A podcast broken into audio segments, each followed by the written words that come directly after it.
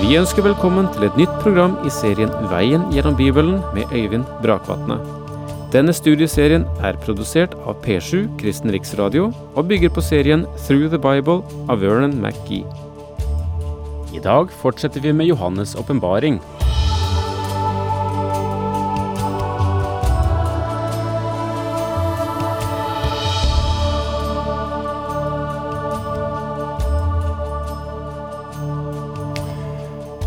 Vi befinner oss i første kapittel i denne veldige bok som Johannes' åpenbaring egentlig er.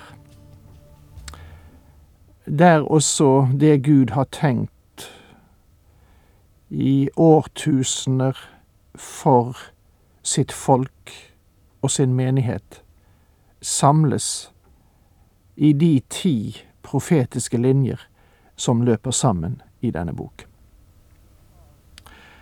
Så langt i kapitlet har Johannes beskrevet vesentlig den Kristus-skikkelse som han så, den herliggjorte Kristus. Og han presser språket til det aller ytterste gjennom analogier, gjennom symboler og illustrasjoner, for å beskrive den herlighet majestet og makt som denne skikkelsen åpenbar. Når nå Johannes har eh, beskrevet dette, så kommer det en melding om hva denne boken videre skal inneholde. Altså, her får vi en tidsinndeling for det apokalyptiske innhold. Her får vi den kronologiske orden og inndelingen når det gjelder åpenbaringsboken, i tre tidsepoker, nemlig fortid, nåtid og fremtid. Det vi får her i det nittende vers i første kapittel, som vi nå skal gå inn igjen i, det er en grov inndeling som eh, blir videre definert og utredet etter hvert som vi går frem i denne bok.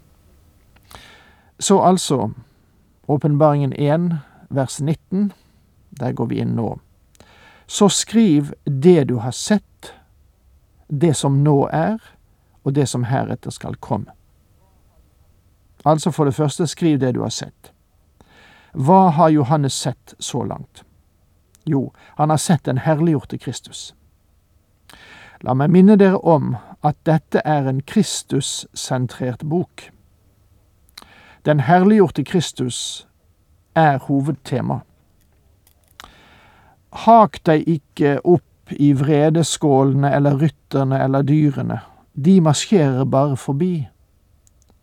Fest dine øyne på den Herre Jesus. Det er Han som var, som er, og som blir.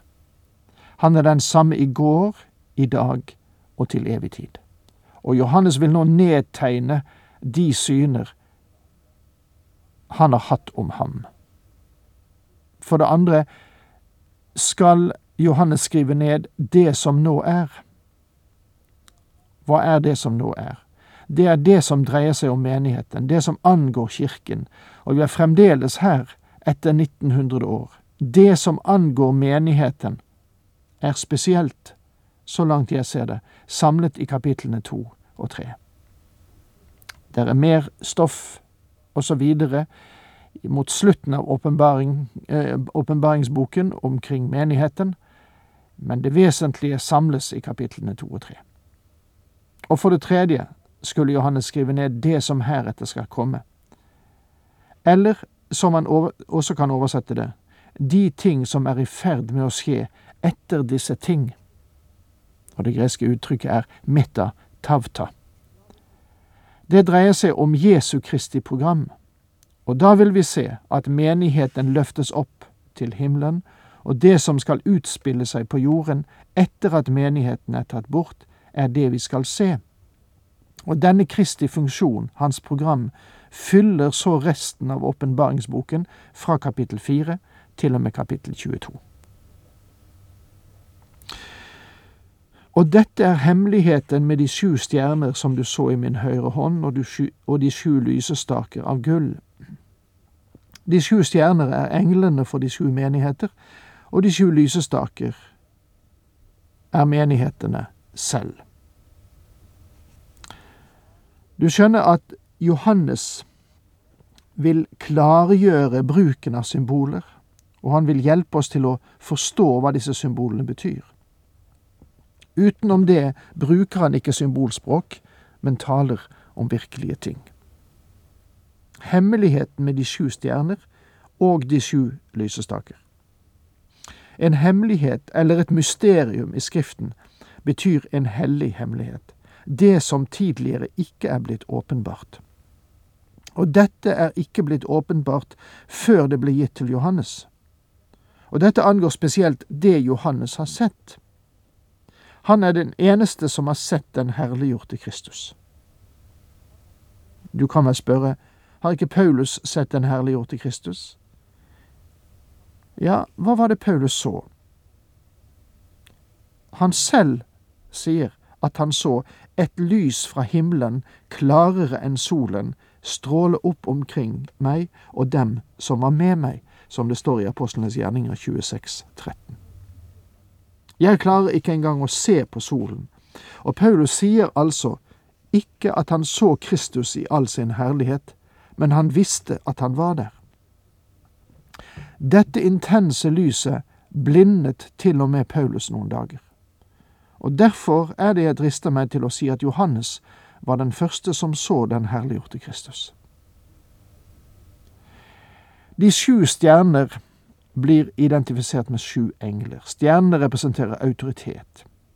I Judabrev vers 13 kalles de falske lærere for forvillede stjerner. Ordet engel betyr bokstavelig budbærer. Og det kan være både en menneskelig budbærer og en engleskapning. Det kan henvise til en budbærer av himmelsk karakter eller en leder eller lærer i en menighet på jorden. Jeg vil vel tro at det her henviser til den lokale menighetsleder i de syv menighetene vi skal se nærmere på i de to neste kapitlene. Og det er jo storslagent å høre at en pastor blir kalt en engel. For ofte skjer det vel at både prester og predikanter blir kalt langt andre ting enn det. Så hvis du ikke har noe imot det, så holder jeg fast ved den tolkningen. De sju lysestaker er menighetene selv.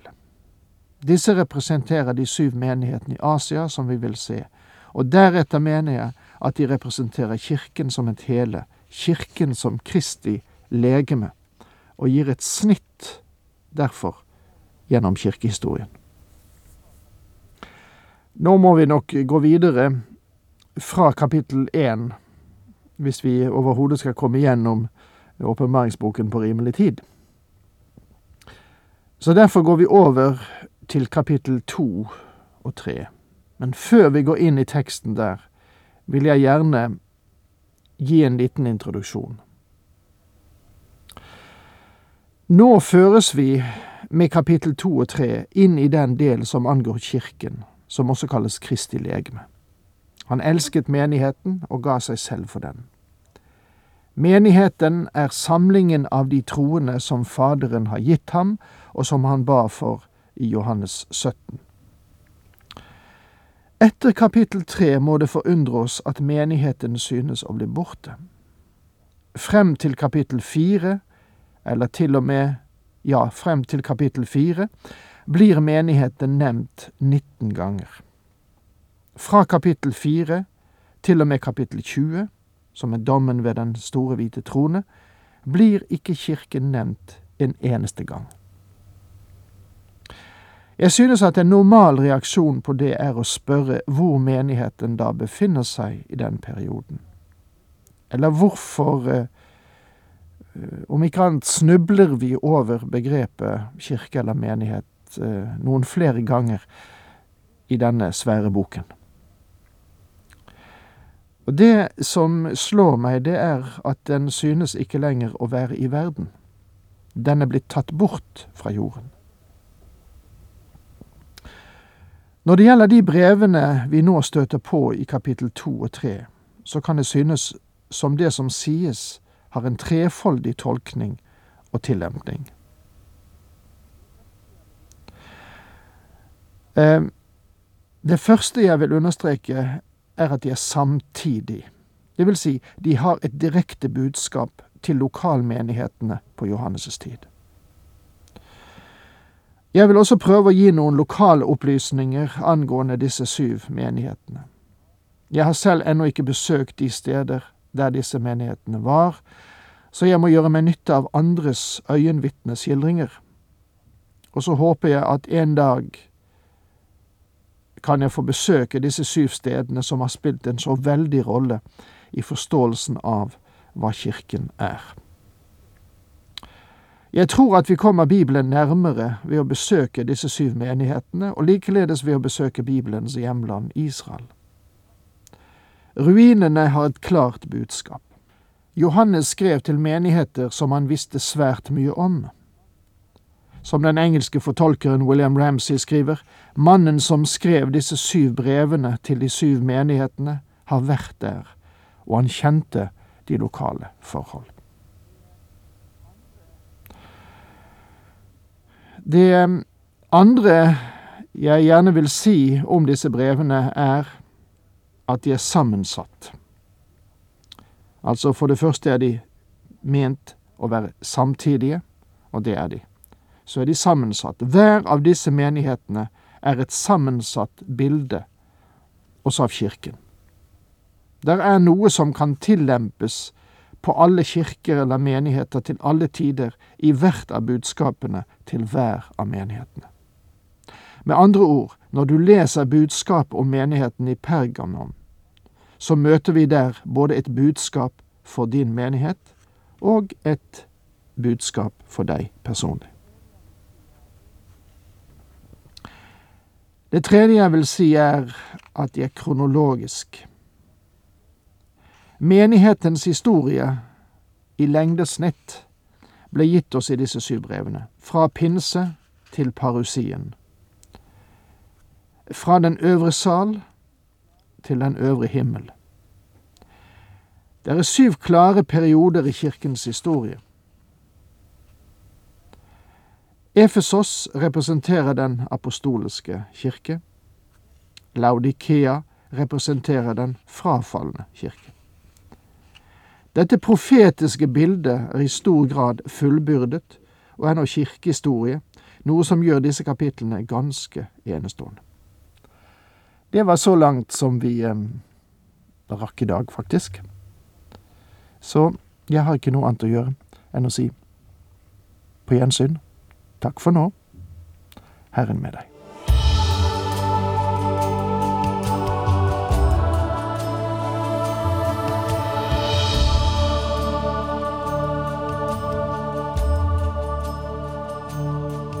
Du hørte Øyvind Brakvatne i studieserien Veien gjennom Bibelen. Serien bygger på et manus av Vern McGee. Har du spørsmål eller kommentarer til programmet, kan du sende en e-post til vgb krøllalfa p7.no. Takk for i dag, og på gjenhør.